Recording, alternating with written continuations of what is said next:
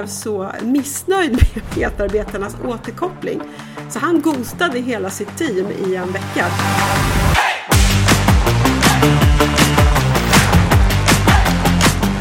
Hej allihopa och mycket varmt välkomna ska ni vara denna tisdag till Direktionen. Jag heter Ann-Sofie Thunholm och med mig som alltid har jag min kära vän Malene Jägerborn. Hallå, hur är läget? Hallå Ann-Sofie, här är det toppenbra.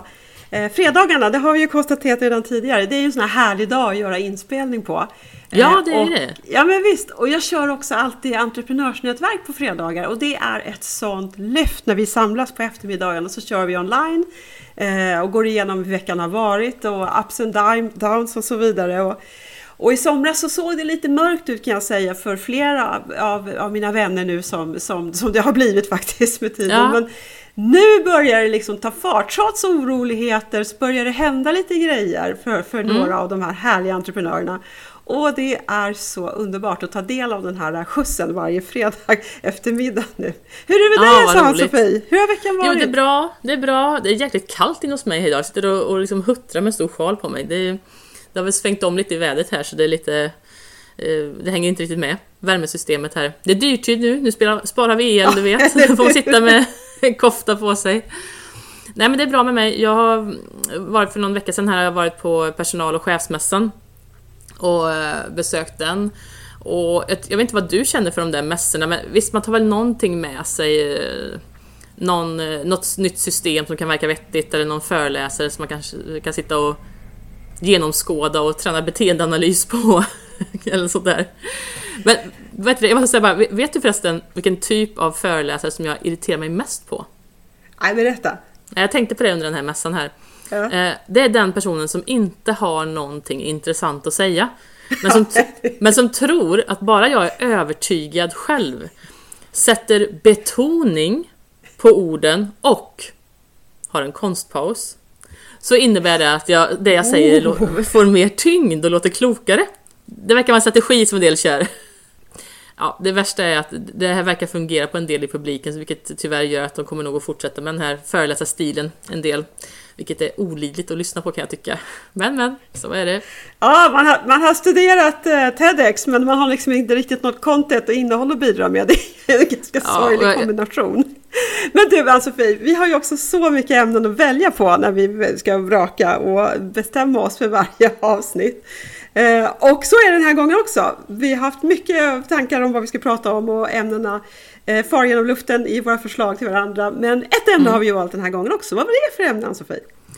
Eh, ja, idag ska vi prata om medarbetarundersökningar.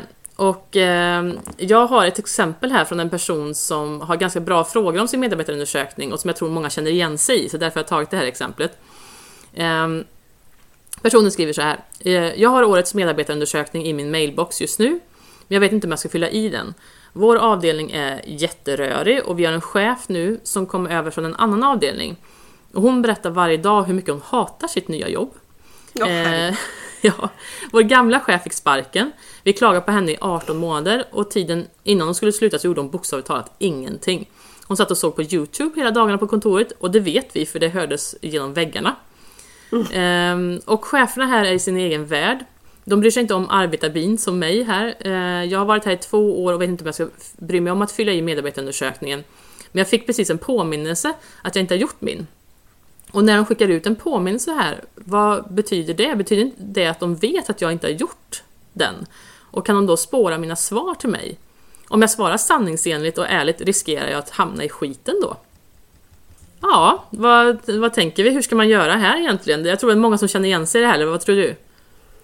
Alltså ja, det behövs ju ingen medarbetarenkät i det här fallet för att veta för egen del vartåt det lutar. Nej. Så som du beskriver läget. Nej, precis. Eh, jag, tror det kan finnas en, eh, jag, tror att det kan finnas en risk att man kan få problem om man svarar ärligt. Det beror lite grann på vad det är för typ av system som sköter den här undersökningen. För det kan ju se lite olika ut på olika företag. Eh, Det kan ju vara ett automatiserat utskick som går ut men där man som företag inte kan se vilka som fick, vilka som fick påminnelsen eller cheferna kan liksom inte gå in och se ett preliminärt svar utan eh, ansvariga chefer kan bara se resultatet när det, tiden har gått ut och först då har företaget insyn. Annars så sköter liksom leverantören av undersökningen alltihopa. Men om själva förfarandet inte sköts utanför, ja då ska jag nog inte säga säkert att det är helt anonymt. Eh, särskilt inte om det är små grupper och det är känt vilka åsikter medarbetare har. Då kan det ju lätt dras lite förhastade slutsatser, även om man inte borde göra det. Så är det många, tyvärr, dåliga chefer som gör det. Och, men jag tänker också så här, precis som du var inne på, eftersom eh, personen pratar om hur nonchalanta och ointresserade cheferna är så är väl frågan snarare om man inte borde söka sig ett nytt jobb istället och lägga mer fokus på det än eh, huruvida medarbetarundersökning kommer göra någon skillnad. Eller hur? Ja, ja det, det, det, det låter ju onekligen så. Dock så är det faktiskt så att de, här, de, de undersökningarna som är externa Mm. De eh, har ju just anonymiteten som sin starka sida. Men det Precis. kan också bädda för problem. Eh, om medarbetarna är anonyma så kan mm. ju det ge liksom anonymitetens hägn att ta ut svängarna och överdriva sin kritik. Och det här mm. är någonting som undersökningar visar att 16 procent av cheferna faktiskt oroar sig över. Mm. Så det kan finnas också lite farhågor med att de är faktiskt just negativa. Jaha. Eh, och ja, medarundersökningar är inte bara en potentiellt stöd för chefen, det är ju också big business. Alltså den mm. globala marknaden för, för de här undersökningarna, alltså HR Tech, eh, med digital mätning är nästan, eh, och de mäter ju nästan allt som har med jobbet att göra, den växer ja. lavinartat. Den växer med över 12 procent per år enligt amerikansk statistik. Så det är verkligen big business också. Mm. Och det märker man ju när man går in och tittar på medarbetarenkäter på Google, alltså sida upp och sida ner med annonser. Herrejösses! Ja, ja, verkligen. Men jag tänker också att eh, cheferna får väl kanske också ta, om det blir en väldigt extrem ehm, eh, ett extremt resultat av medarbetarundersökningen, då säger det ju någonting om verksamheten också i så fall, om folk tar ut svängarna ordentligt. Så jag tänker att oavsett så är man nog eh, tvungen att ta tag i det bak, bakomliggande orsakerna till medarbetarundersökningen. Ja, Men, och det är det vi kommer att prata om också, problemet ja. med att det inte tas tag i, det blir misstolkningar och det, ja, hur, det är precis det som det här avsnittet ska handla om. Ja men precis. Och enligt Forbes så misslyckas 78% med att få ett bra resultat av medarbetarundersökningen. Och det här skvallrar en hel del om varför många företag antingen lägger för mycket eller för lite tonvikt på sina service. Om mm. det är dåligt resultat, då kanske inte man är lika sugen på att ta tag i det lika helhjärtat. Och, och om man har jätte, jättebra resultat, ja då tenderar man oftast att skryta ganska friskt om det och ganska länge om det också, även om saker och ting har förändrats. Men, men medarbetarundersökningen ger ju inte svaret på allt. Och anledningen är ju ofta att vi inte prioriterar rätt områden och att vi blir för spretiga när vi ska ta hand om resultatet av medarbetarundersökningen. Vi kanske vill fixa alla områden som fått dåliga resultat till exempel. Och, och, det tycker jag är viktigt att tänka på att man ska ha absolut max tre styrkor, tre svagheter som man väljer ut tillsammans att arbeta med, för annars blir det för mycket. Ehm, och så tycker jag att det är viktigt att det finns en tydlig process för hur hela organisationens team hela vägen upp i organisationen arbetar med det här. Ehm, men att ledningsgruppen också har en mer Eh, långsiktig plan för vad medarbetarundersökningen ska leda till på sikt också. Eh, vet man till exempel att man har många oerfarna chefer och att man har haft hög produktionstakt under en längre tid eller ojämn leverans på grund av olika orsaker så kommer ju medarbetarundersökningen antagligen att signalera det också. Så ledningsgruppen behöver ju ha medarbetarundersökningen med sig som ett verktyg, som en del av allting annat som ska mätas och lira för att man ska nå sina mål, eller hur? Ja, just det här systematiska arbetsmiljöarbetet är ju så viktigt då. Och Arbetsmiljöverket har ju föreskrifter om organisatorisk och social arbetsmiljö i OSA eh, som trädde i kraft 2016 och de säger just att arbetsledare ska ha kunskap om hur man förhindrar att medarbetarna får illa av för hög arbetsbelastning, eh, arbetstidernas förlängning eller kränkande särbehandling som vi har pratat om tidigare. Mm, och idag så utförs ju faktiskt de här medarbetarundersökningarna som en del just i det systematiska arbetsmiljöarbetet. Eh, och eh, det finns då några standardiserade undersökningar som man använder och den, en av dem den eh, benämns Nöjd medarbetarindex och mäts just med tre frågor som du nämnde då. Mm. Hur nöjd är medarbetarna med sin arbetsplats? Uppfyller arbetsplatsen medarbetarnas förväntningar? Och hur nära medarbetaren anser sig att arbetsplatsen liknar ett tänkt ideal?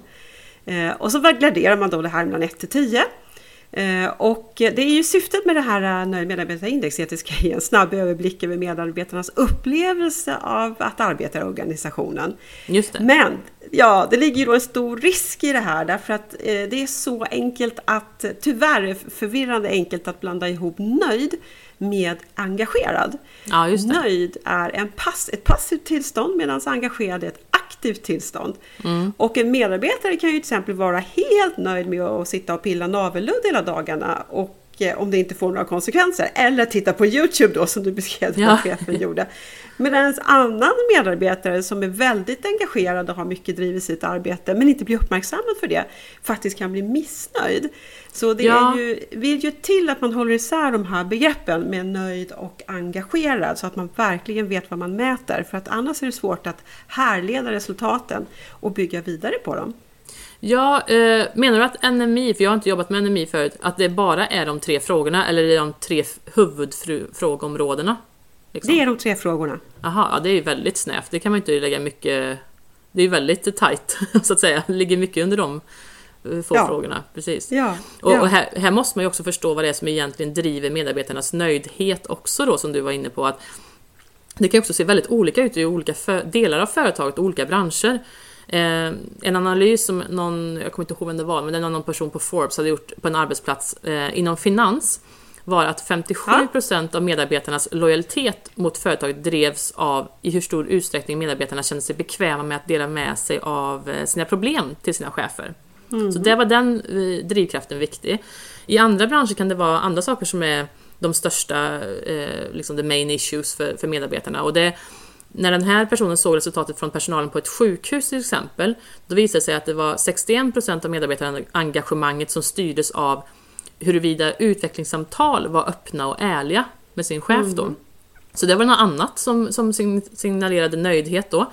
Och på ett techbolag så var det 54% som påverkades av huruvida medarbetarna fick lära sig nya kunskaper för att nå företagets mål. Så det var det det som drev nöjdheten. Och på en annan arbetsplats kan det vara någonting annat som är huvudfrågan för att öka engagemang och nöjdhet hos medarbetare. Så det behöver man ju också tänka på. Eh, Det går inte att jämföra riktigt eh, mellan olika mm, avdelningar eller olika, eh, mellan olika företag heller då egentligen. Ja, behoven hos arbetstagarna och hur dessa behov tillgodoses av arbetsgivaren påverkar ju verkligen i allra högsta grad medarbetarnas trivsel. Och det är ju oavsett om det är passiv nöjdhet eller aktivt engagemang. Så ett, det finns ett till standardtal som mäts eh, från, från arbetsgivarnas sida och det är att mäta medarbetarnas lojalitet och det benämns då Employee Net Promoter Score, ENPS. Eh, och där har man bara en fråga.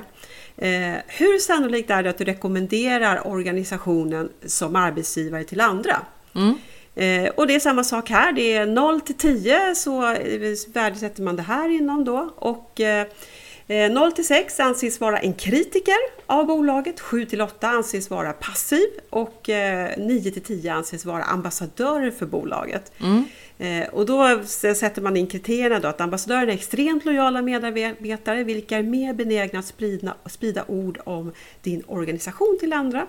Passiva är neutrala vilket innebär att det varken är känslomässigt, investe- känslomässigt investerar och är eller är totalt oengagerade. Medan då kritikerna, de är mer benägna att sprida negativa ord till andra om din organisation och kan bete sig på ett oengagerat och missnöjt vis. Ja men precis, det är, det är exakt samma sätt som gäller för NPS för kundnöjdhet. Det är ju samma eh, upplägg där. Eftersom det handlar om Eh, ambassadörer och passiva och så. Ja, ja. Och det kan ju vara lite förvirrande med de här förkortningarna då. Så skillnaden mellan Employer Net Promoter Score och Nöjd Medarbetarindex det är att eh, Employer Net Promoter Score endast består av en fråga och baseras på medarbetarengagemang medan Nöjd Medarbetarindex baseras på flera olika frågor som bygger på nöjdhet. Och syftet med, de här, med den här frågan är att se hur organisationen mår vid olika tillfällen och hur starkt engagemanget är. Men också förstå medarbetarnas upplevelse av arbetsplatsen. Eh, och, eh, och alltså hur man trivs och hur, arbete, hur, det hur stor sannolikhet det är att man rekommenderar arbetsgivaren till andra. Men som sagt, trivsel är ju inte detsamma som engagemang och nöjdhet är inte detsamma som engagemang. Eh, alltså jag kan ju fortfarande trivas med att pilla navelludd som jag sa tidigare eh, och lägga min tid på att surfa fritt men vara väldigt lojal till min arbetsgivare för det, för den friheten jag har i det. Så egentligen, ja, så, ja egentligen kan man säga att varken det här eh, engagement-indexet eller medarbetarindexet fångar ju egentligen kärnan i engagemanget på, för arbetsplatsen. Ja, men det är fortfarande, nu pratar vi om två väldigt korta und- medarbetarundersökningar. Vi pratar ju inte om de som är mer fullständiga, där man går in i olika eh, områden, kanske har tio frågor på varje område också sådär. Så att det, nu är det ju de här kortare vi har pratat om också. Men en sak som jag tänkte på Eh, det är att jag undrar i hur stor utsträckning medarbetare aktivt är ambassadörer för en arbetsgivare om man jämför med om man är kund eh, som är ambassadör för ett varumärke, alltså i NPS jämfört med NPS, så att säga. För, jag har jobbat mycket med NPS i kundsammanhang då, och vad det ambassadörskapet betyder i kronor och ören sett till försäljning. Men kan man egentligen se samma typ av effekt för ambassadörskap när det gäller ENPS, undrar jag. Eh, för det känns mer som att det är ju en lite mer nice to know, som du säger, man fångar lite kärnan. Kan du tänka dig att rekommendera den här arbetsplatsen? Det är en viktig kärnfråga tycker jag också. Att folk är nöjda med sin anställning och så. Men tror du att det finns skillnader här? För att jag menar, för att du ska rekommendera en vän, du måste gå och handla i den här butiken, eller de har fantastiska saker, eller gå till den här restaurangen. Då, det är väl mer troligt att du sprider mer den typen av ambassadörskap än att du sprider det till eh, eh, dina vänner att åh, du måste söka, jobb, börja jobba hos oss, det är världens bästa företag, du måste börja söka alla jobb som vi har och sådär. Det är ju på lite olika sätt.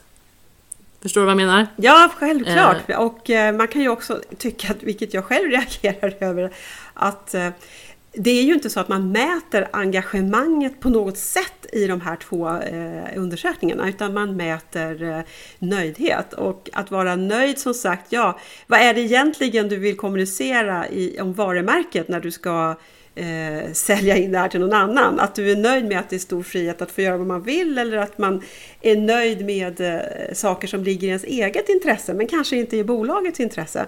Så... Ja, men jag tycker nog att då är nog EMPS just i det här fallet bättre.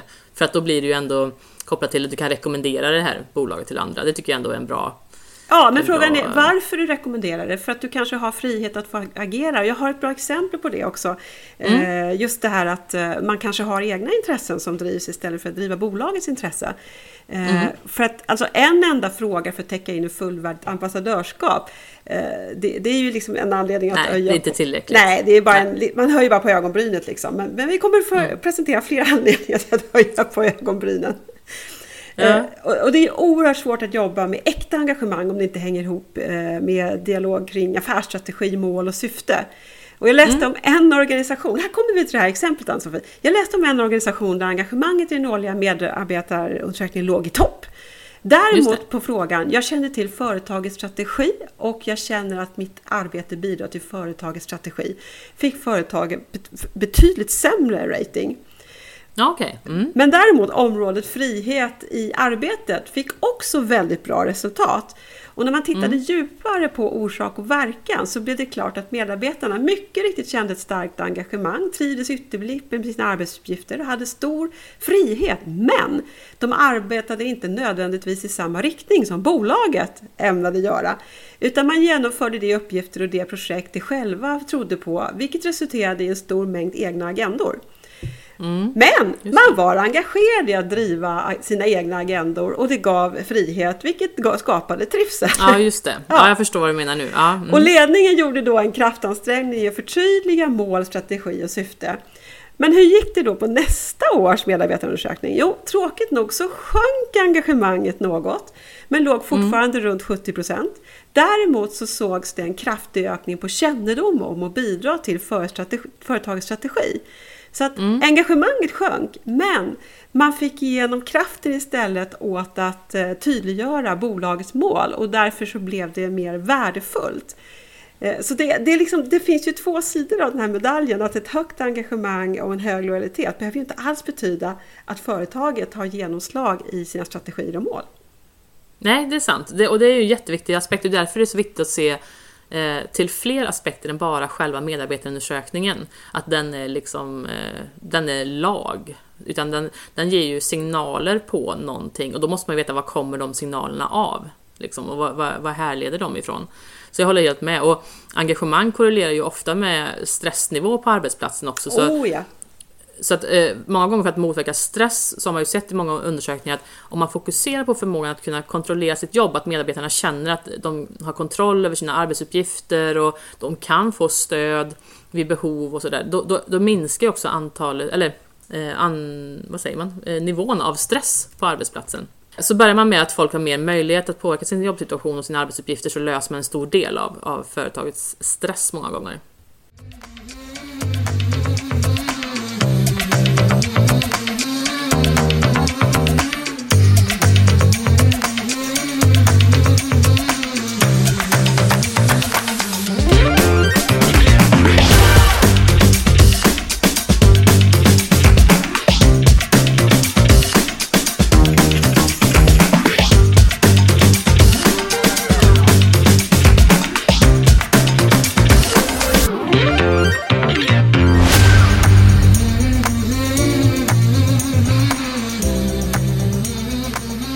Ja, och det som vi som sagt behöver ha koppling till i det här då, det är ju att, eh, att det inte uppstår egna agendor för syfte och mål. Eh, mm. Så att det spretar mellan arbetsmönstren, alltså hur saker verkligen utförs och processerna, de teoretiskt tänkta beskrivningarna av hur det ska utföras. Mm. Och, och, och, här kommer ju tydligt arbete från ledningen med syfte, mål och strategi in som viktiga parametrar.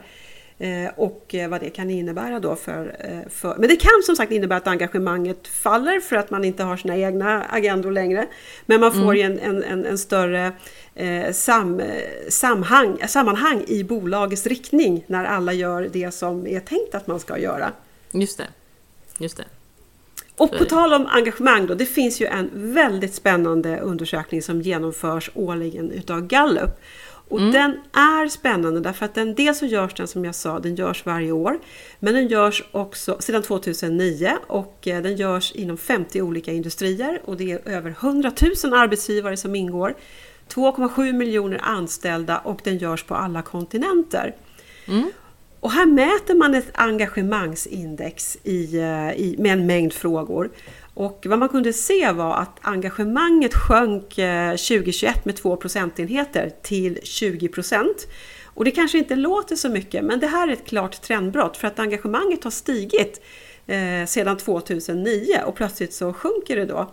Mm. Eh, och man kan också här korrelera, man ställer frågor direkt om stressupplevelser på arbetsplatsen och då kan man se att hela 44 procent av medarbetarna upplever mycket stress i sina arbeten. Eh, mm. i den här globala undersökningen. Och det är inte så konstigt då med tanke på pandemi och annat också då förstås? Exakt, och jämfört då med som faktiskt var före pandemin så låg det på 38 procent. Så att det har alltså mm. stigit med 6 procent under pandemin, den här stresskänslan när man känner sig mycket hög, upplever mycket hög stress. Och det här mm. beror ju på stora nedskärningar, permitteringar, många jobb som försvann och eh, för att anpassa kostnadsmassan då, som ju var tvunget i pandemin. Eh, men den dagliga stressen har alltså nått rekordnivå och det globala engagemanget har sjunkit för första gången sedan 2009. Så det är ju också lite intressant att, att, att ha med sig. Mm. Just det. Eh, och jag gjorde en liten observation då, alltså när vi var ute och gjorde vår research på det här. Jag vet inte om det slog, slog dig också, men så fort jag skrev in därför ska du mäta, eh, göra kund, medarbetarundersökningar, eller därför ska du mäta NMI och så vidare. Så var det som jag sa tidigare, sida upp och sida ner först med annonser. Eh, alltså jag vet inte, jag kanske kom till sidan 7-8 på Google Search innan jag ens började hitta liksom artiklar om det, så mycket annonser.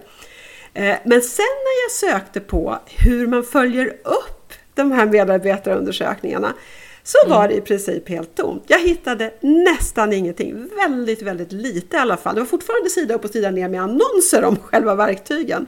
Men väldigt lite om hur man, hur man följde upp det här. Gjorde du den iakttagelsen, Ann-Sofie? Eh, nej, alltså jag sökte inte på NMI överhuvudtaget. Det kan ju också vara att du kopplar det till just NMI. Det kan ju vara det som gjorde det också. Men jag, jag hittar också mycket, som du säger, det, det är ju väldigt mycket... Mm, det, det speglar nog en hel del att de, mest, de flesta sökresultaten handlar mer om att sälja medarbetarundersökningar, ja, inte ja, att eh, dra sina slutsatser eller, eller dela erfarenheter kring, eh, kring det här eller bygga upp artiklar kring hur man jobbar med det. Det var inte så riktigt så mycket. Jag, jag hittar lite mer om jag går på engelska artiklar och sådär, eh, då hittar man lite mera tycker jag. Men, Men det, det, eh, var, var skralt alltså, man kan ju tycka att det är den viktigaste delen. Så att även om tanken ja. är god med de här anonyma undersökningarna då, så är det ju uppföljningen som är ett sorgebarn. Och, eh, alltså jag vet inte hur det är för dig Ann-Sofie, men jag har inte mött en enda medarbetare som tycker om de här eh, medarbetarundersökningarna som liksom säger Åh, är det dags igen? Äntligen!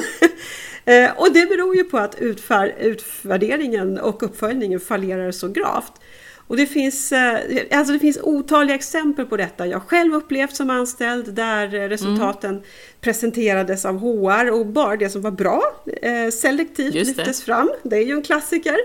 Ja, eh, verkligen. Ja, ett annat exempel jag har ifrån en nära vän som berättade att när, det, när de vid uppföljningen i teamet med chefen skulle utvärdera resultatet och blir ibland chefens resultat Mm. Eh, och här var ju alla då förberedda på att ge feedback och återkoppling och det var syftet med mötet också. Men det ja. hela menade ut i att chefen blev så missnöjd med medarbetarnas återkoppling så han ghostade hela sitt team i en vecka. Det vill säga han ställde in alla möten med, med teamet och one-on-one med, eh, under en veckas tid. Ja. Eh, och därefter ytterligare en vecka så blev de eh, utfrysta, det vill säga chefen hälsar inte på sina medarbetare. Nej, men, hälsar oj. väldigt kort. Ja, det, alltså, alltså, helt, alltså på tal om det här som vi pratade om tidigare med mobbing. Mm. Eh, att, kommer du ihåg Sofia att det oftast är chefen som är förövaren? Ja, ja just det. så här kan det börja till exempel. Mm. Eh, och ja. kan bara säga, alltså, ursäkta franska, men hur fan tänker de? Ja. Nej, det, det, är klart, det där är ju helt eh, oacceptabelt att man som chef inte kan klara av att få en, en dålig medarbetarundersökning. Eller hur? Det är någonting som är fel. Eh, men jag har varit på företag där medarbetarundersökningarna fungerar och uppskattas väldigt mycket. Eh, och jag har varit på platser där de inte fungerar också.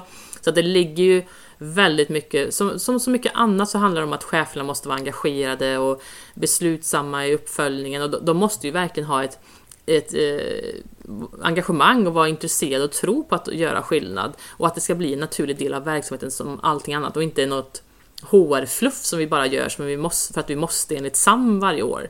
Mm. Alltså systematiskt arbetsmiljöarbete.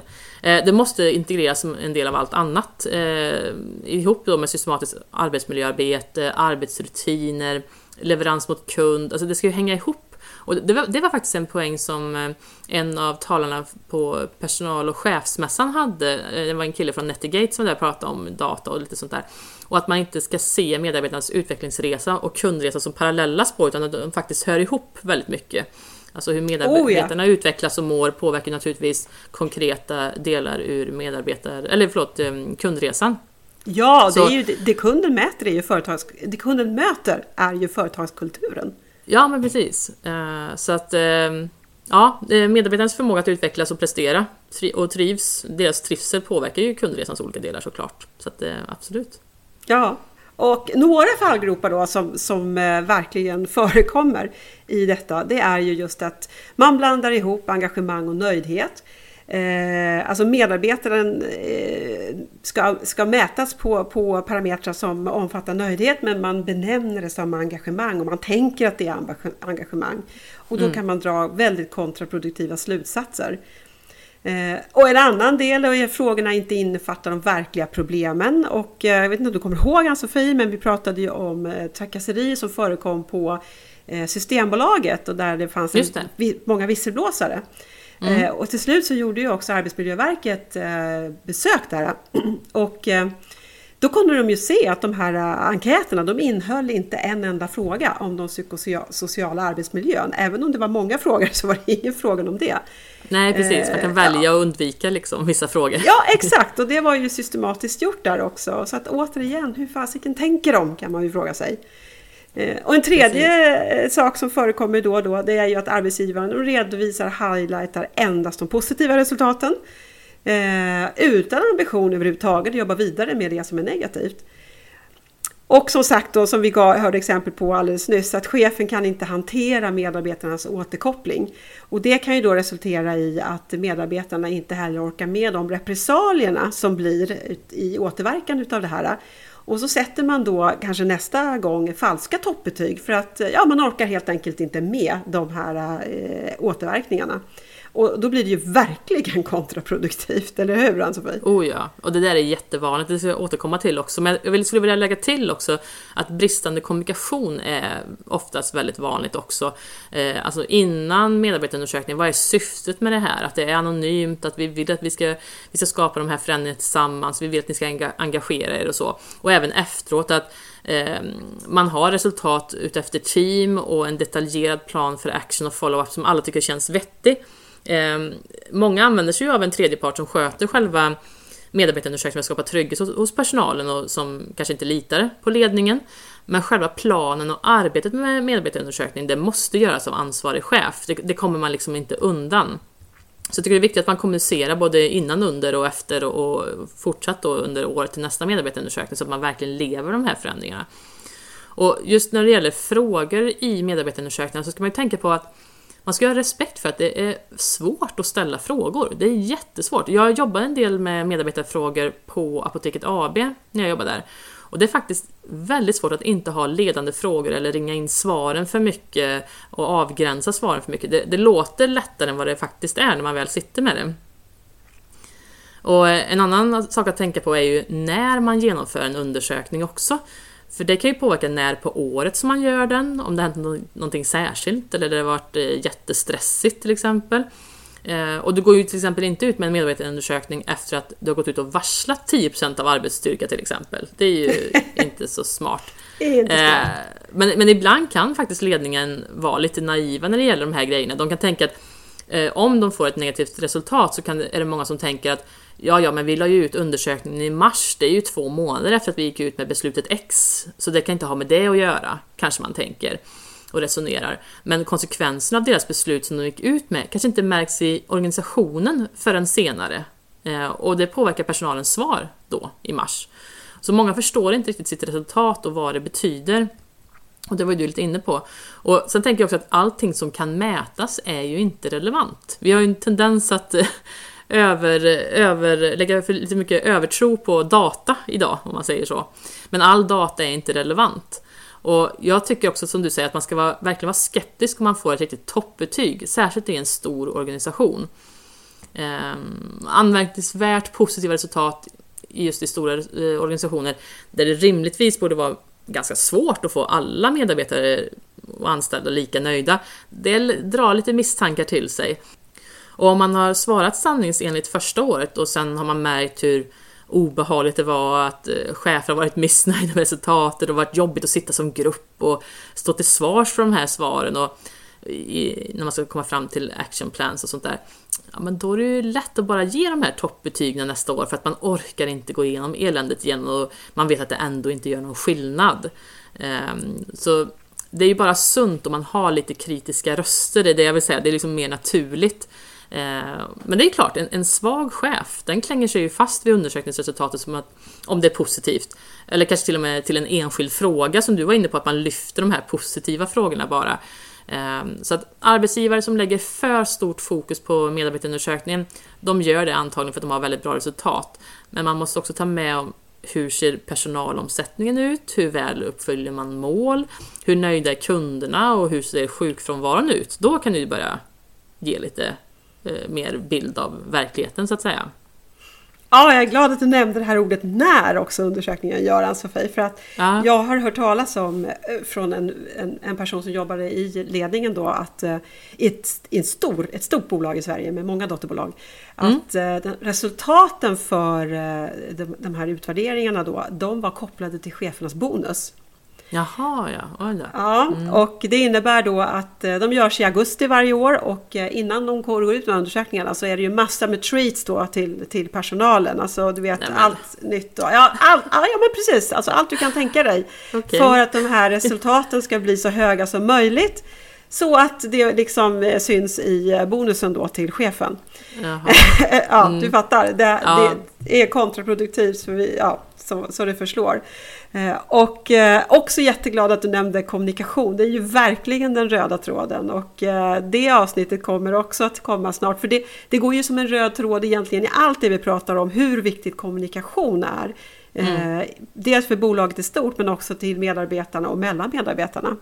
Ja, verkligen. Eh, och, och, det tredje du nämnde som var så viktigt var ju de här faktiska talen. Alltså mm. med sjukfrånvaro och, eh, eh också, och eh, omsättningshastighet på personalstyrkan så att säga. Det är ju tal som är direkt spårbara och eh, verkligen talar om hur organisationen mår. Mm. Ja men verkligen. Och och, och, nu så här post-covid är det ju perfekt tid att ta tag i de här bitarna med medarbetarhälsan och, och förändringar som ändå måste göras nu. Man kan ju passa på att använda momentum när vi ändå är i förändringstagen och öppna för förändringar. Um, och um, jag vet att nio av tio arbetsgivare var väldigt oroliga för deras personalstyrkas ja, beteendehälsa kan man väl säga. Mm. Uh, och uh, produktivitet under pandemin. Och det gäller ju att inte komma tillbaka till det gamla nu och ta det för givet bara för att pandemin är över, utan har man inte vågat göra de här drastiska åtgärderna tidigare för att hjälpa medarbetarna i, i deras trivsel eller hälsa, hälsoåtgärder av olika slag, då är det ju dags nu att ta tag i de bitarna. Verkligen! Ja. Och jag, jag är inte någon, något fan av att ha såna här regelbundna medarbetarundersökningar som är täta. Jag tycker man ska ha max, max en per år och sen så kanske möjligtvis en uppföljning längs vägen. Men jag, jag, tror inte på de här temperaturmätarna annat än i speciella fall, för det, det gör oftast att det blir väldigt ofokuserat och svårt att följa upp på, tänker jag. Eh, för medarbetarna eh, kan ju känna liksom att jaha, nu är det dags igen och, och göra någon sån här temperaturmätare och plötsligt så har man mm. mer administration runt själva undersökningarna och det är det man gör snarare än att göra skillnad på arbetsplatsen. Man, man hinner liksom inte bli klar med den ena förrän det är dags för den andra och det blir svårt att känna att man gör någon skillnad överhuvudtaget med de här korta tidsperspektiven ändå. Mm. Och saker kan ju hända i en verksamhet som Eh, gör att man inte hinner med att implementera vissa saker förrän efter kanske två månader. Och då kanske inte man har fått någon effekt alls eh, om man har en temperaturmätare efter, säg, fyra månader eller sånt där. Men, men just det, efter pandemin, eller under pandemin, så har ju många företag haft eh, liksom temperaturmätare och så för att se lite hur personalen mår och, och det tycker jag väl i och för sig är bra. Eh, jag var själv initiativtagare till ett sånt på ett av mina uppdrag som jag hade under pandemin. Eh, men man måste också lite förstå lite grann hur man ska använda det också. Ehm, ett företag som jag känner till som jobbade med temperaturmätare under pandemin, de valde att vattna ut frågorna lite grann genom att göra mm. respondenterna kunde liksom bara eh, svara med smileys, ni vet sån här trå- ledsen smiley, neutral ah. smiley och glad smiley mm. sådär. Eh, de kunde i och för sig svara, eh, lägga till text om de ville, det kunde de göra. Men det vattnar ut frågorna lite grann när man gör det. Eh, och de gjorde den också var tredje, fjärde vecka Eh, och det kan väl vara okej okay, i och för sig, so far so good. Men sen ville de att cheferna skulle också göra en sammanfattning, en handlingsplan och ta action på varje undersökning. Och det går ju inte. På tre veckor kan man ju inte göra det. Alltså det, det, är omöjligt att hinna med. Och det här är också ett stort företag där cheferna hade väldigt många anställda i sina arbetsgrupper. Liksom. Och det, det här tycker jag är ett typexempel på hur ledningen eller HR slår sig för bröstet och säger “Titta på oss! Du får tycka, tycka till här, vi bryr oss om er, här får ni göra er röst hörd liksom. Fast det de egentligen gjorde var bara att de ökade på arbetsbördan av admin som inte ledde till någonting och bara trötta ut personalen egentligen. Och det fanns inte heller någon annan signal från ledningen under pandemin som visar på att de brydde sig särskilt mycket om sin personal. Så det här var ju egentligen bara ett sätt att skylla ifrån sig och visa att nu har vi ryggen fri, vi har gjort någonting. Så. Ja, ett, ett alibi för, ja. för, för aktivitet helt enkelt. Precis. Eh, det finns något annat som skaver i det här också. Ja. Eh, tidningen Chefer i Fokus hade undersökt vad chefer tycker om medarbetarundersökningar. Och håll i dig nu Ann-Sofie. Mm. Var sjunde som svarade på granskningen svarade att resultaten i undersökningen används mot dem. Aha. Och att det har lett till negativa konsekvenser för cheferna. Oj då, det är inte heller bra. Det är ju inte heller bra, nej. Så att, alltså, medarbetares undersökningar, det är ju ett redskap i det systematiska arbetsmiljöarbetet. Eh, och det borde vara chefers bästa vän. Men problemet är att man eh, liksom också använt dem för att flytta på och tussa till chefer. Och det här är ju en trend som varken gagnar chefen, chefernas arbetsmiljö eller medarbetarna eller verksamheten. Nej, verkligen. Eh, alltså om det sker på det sättet och inte i, i dialog då blir det ju en extremt negativ eh, upplevelse. Alltså istället för eh, proaktiv dialog och feedback så har man alltså medarbetarundersökningar för att ja, kanske göra sig helt, helt enkelt göra sig av med chefer. Och det sätter ju inte några goda exempel. Nej, det är ju fruktansvärt. Och tänk då liksom om det är olika chefer på en arbetsplats och man vet att eh, den här chefen gör den här typen av eh, ja, ställer in sig, manipulerar, kommer med något jättebra beslut eller visar på, ger, bjuder på lunch eller någonting om det nu gör skillnad så här, dagen innan medarbetarundersökningen så vet man att de andra tar till lite fula knep för att få bättre på medarbetarundersökningarna och man själv vill ha en ärlig och öppen dialog och sen så kan det vara så att det här negativa svaret faktiskt vänds emot en eh, som chef. Det är ju fruktansvärt. För att, eh, ja, alltså, alla, absolut. Alla alltså, det är inte... ju så kontraproduktivt så det finns ju inte. Eh, dock så tyckte en av fem chefer i granskningen att de hade stor användning av resultaten. Och jag tänker lite grann nu tillbaka på det avsnittet vi hade om eh, bra och dåliga ledare. Mm. Eh, och det var ungefär eh, en på fem chans eh, och lite lägre till och med i vissa branscher. Det var branschvis, men ungefär, man kan runda av till att säga ungefär en på fem chans att få en bra chef. Uh. Och då tänker jag att det här är ju de cheferna som förmår att ta till sig eh, återkoppling och förslag på vad som behöver förbättras i, i det egna ledarskapet och så vidare. Mm. Eh, och där kan jag ju verkligen se att en medarbetarandersökning kan göra stor nytta. Mm. Men Verkligen. som sagt, det bygger ju på, eh, och återigen, då kommer vi in på, på liksom kommunikationen, hur otroligt viktig den är. Ja, Eh, och cheferna ger också flera exempel på varför det inte fungerar. Eh, till exempel då, det har du varit inne på, medarbetarna förstår inte, det är en luddigt formulerad fråga. Eh, svaren misstolkas och så sätter man in fel åtgärder. Ja. Och ledningen vet inte vad man ska göra med resultaten och frågorna är för, ja, som vi också pratat om, för generella och passar liksom inte in i den lokala verksamheten. Det kan ju vara globala bolag som kör samma frågor i, på fem, sex olika fem kontinenter till exempel. Ja. Och, och då kan det bli väldigt eh, missvisande. Mm.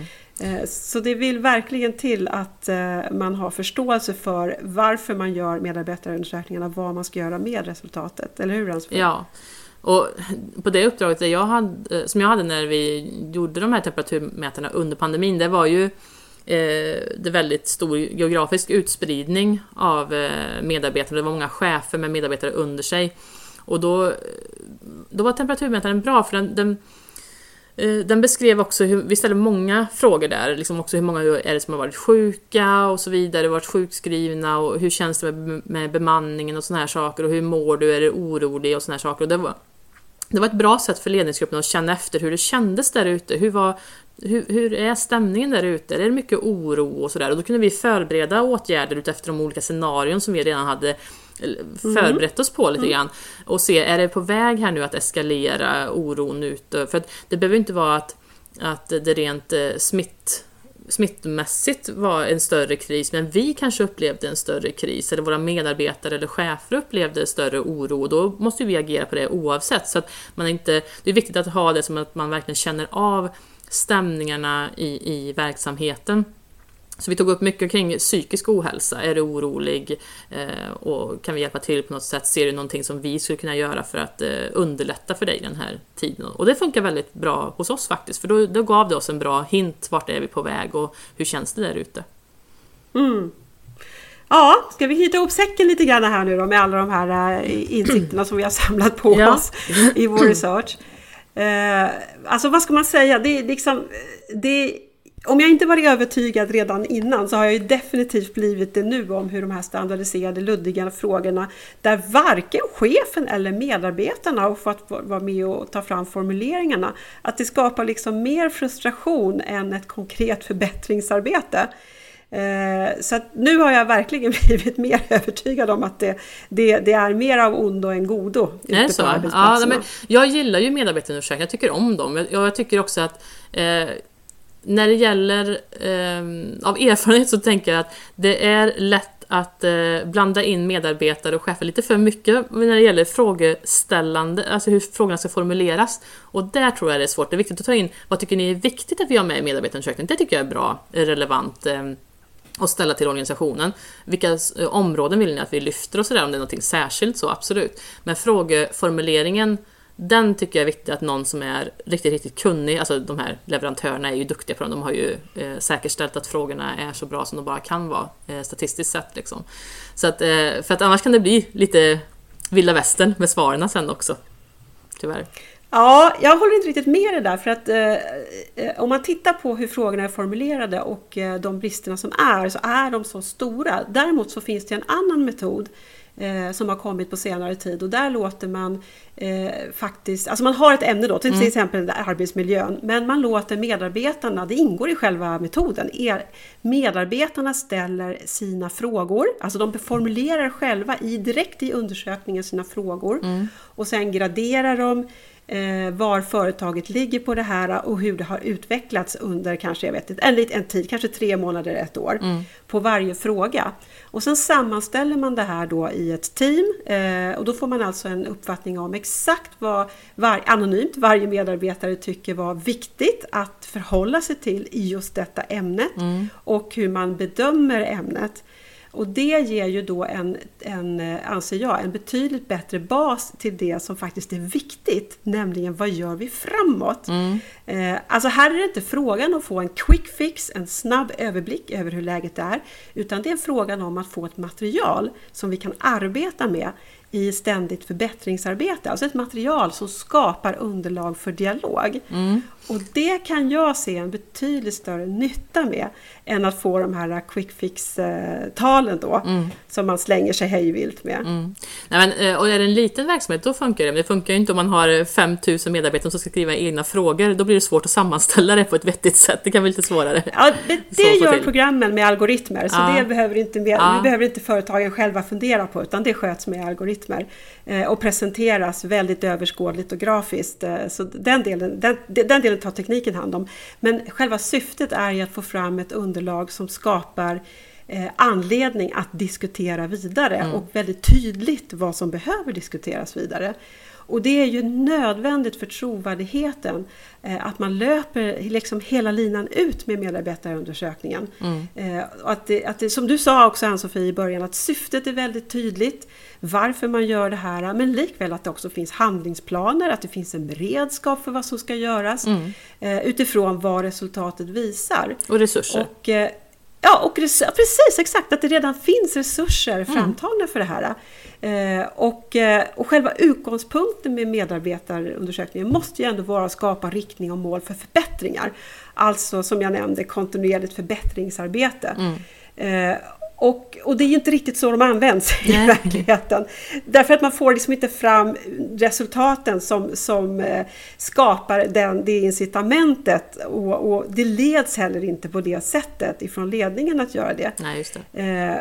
Och, och, och det är lite grann det, alltså man, man, startar, man, man skapar datadrivna insikter men det är inte insikter som leder till aktiv förändringsledning. Nej.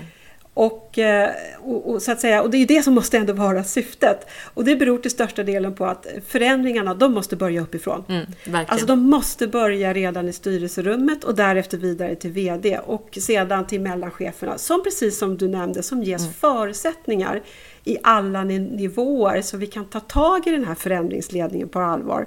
För det måste ju ändå vara det som är syftet med eh, medarbetarundersökningarna. Mm. Ja, det var det vi hade för idag när det gäller medarbetarundersökningar, eller hur?